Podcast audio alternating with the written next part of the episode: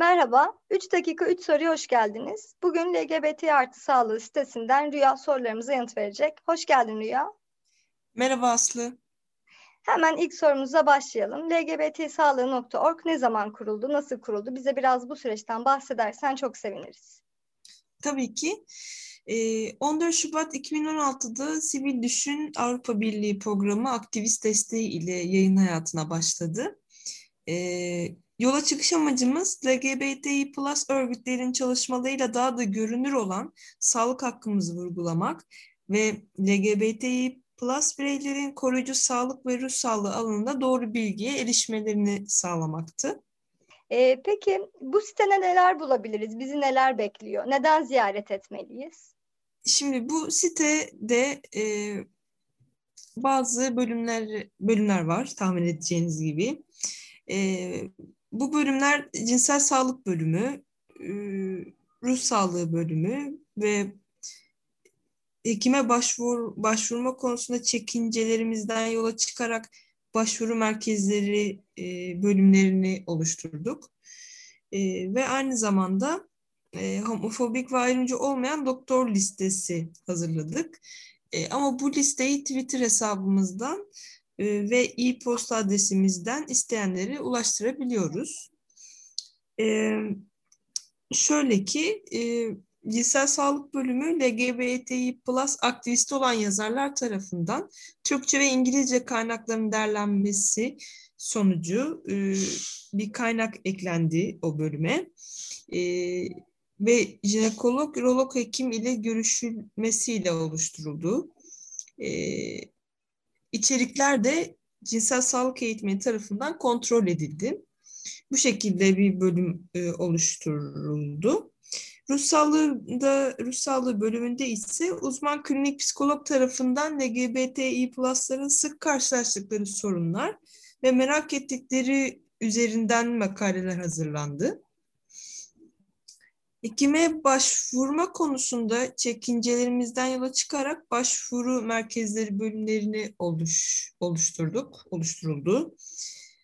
Ee, burada sağlık, hukuk gibi konularda danışmanlık alabilecekleri LGBTİ Plus dernekleri, HIV pozitif hak savunuculuğu yapan dernekler, seks işçileri ve cinsel sağlık alanında çalışma yapan derneklere ve belediye ücretsiz anonim HIV testlerine kadar uzun bir liste var. Teşekkür ederim Rüya yanıtın için. Üçüncü sorumuz ve aslında son sorumuzu sorayım. LGBT artıların sağlık hakkına dair ihlaller hakkında neler söylemek istersin? Ee, sık karşılaştığımız LGBTİ plus fobi korkusuyla hekime gitmekten kaçınmak e, oluyor. Erken tanıyı ve e, tedaviyi geciktiriyor bu durum. Doktor ve sağlık çalışanlarının fobik ve şiddete varan tavırlarını biliyorsunuz. Hani e, basına yansıyor zaten. E, LGBT plusların iş bulmakta zorlanması onların sigortaya erişimini imkansız kılıyor ve dolayısıyla sağlığa erişimi de engelliyor. Şişli başta olmak üzere, Şişli başta olmak üzere belediyelerin ücretsiz anonim HIV testi merkezleri arttı. Daha fazla belediyede e, var. E, sitemizde de görebilirler e, hangi belediyeler olduğunu.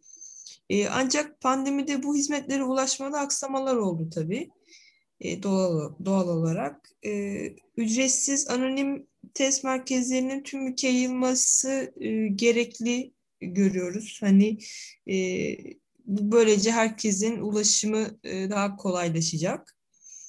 E, peki bir, bir de bir de şey var. E, jinekoloji tarafında ise trans erkekler kimlik değişimi sonrası jinekoloğa gidemiyorlar.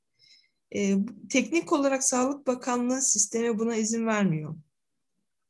Kürtaj durumunu zaten biliyorsunuz. E, şu anda devlet hastanesinde e, kürtaj olmak çok çok çok zor zorlaştı, zorlandı. Türlü türlü e, şiddete maruz e, bırakılıyorsunuz. Ayrıca olmuyordu zaten. E, bu, birkaç tane hastane çıkabiliyor yine de o şeyden e, çatlaktan bazen birkaç hastane e, olabiliyor ama o da çok e, zorlu bir e, yol.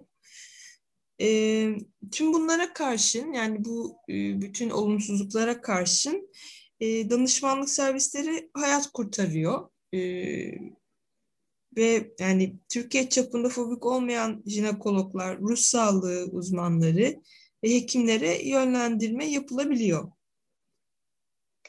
Çok teşekkür ederim Nesrin. E, bu üç aslında uzun uzun yine konuşabileceğimiz soruya e, üç dakika içerisinde yanıtlar verdin. Bu hafta bu kadar. E, üç dakika üç soru programımız. E, daha sonra yeni bir konukla başka bir gündemle yeniden bir araya geleceğiz. Teşekkür Teşekkürler. Ederiz. Biz de teşekkür ederiz.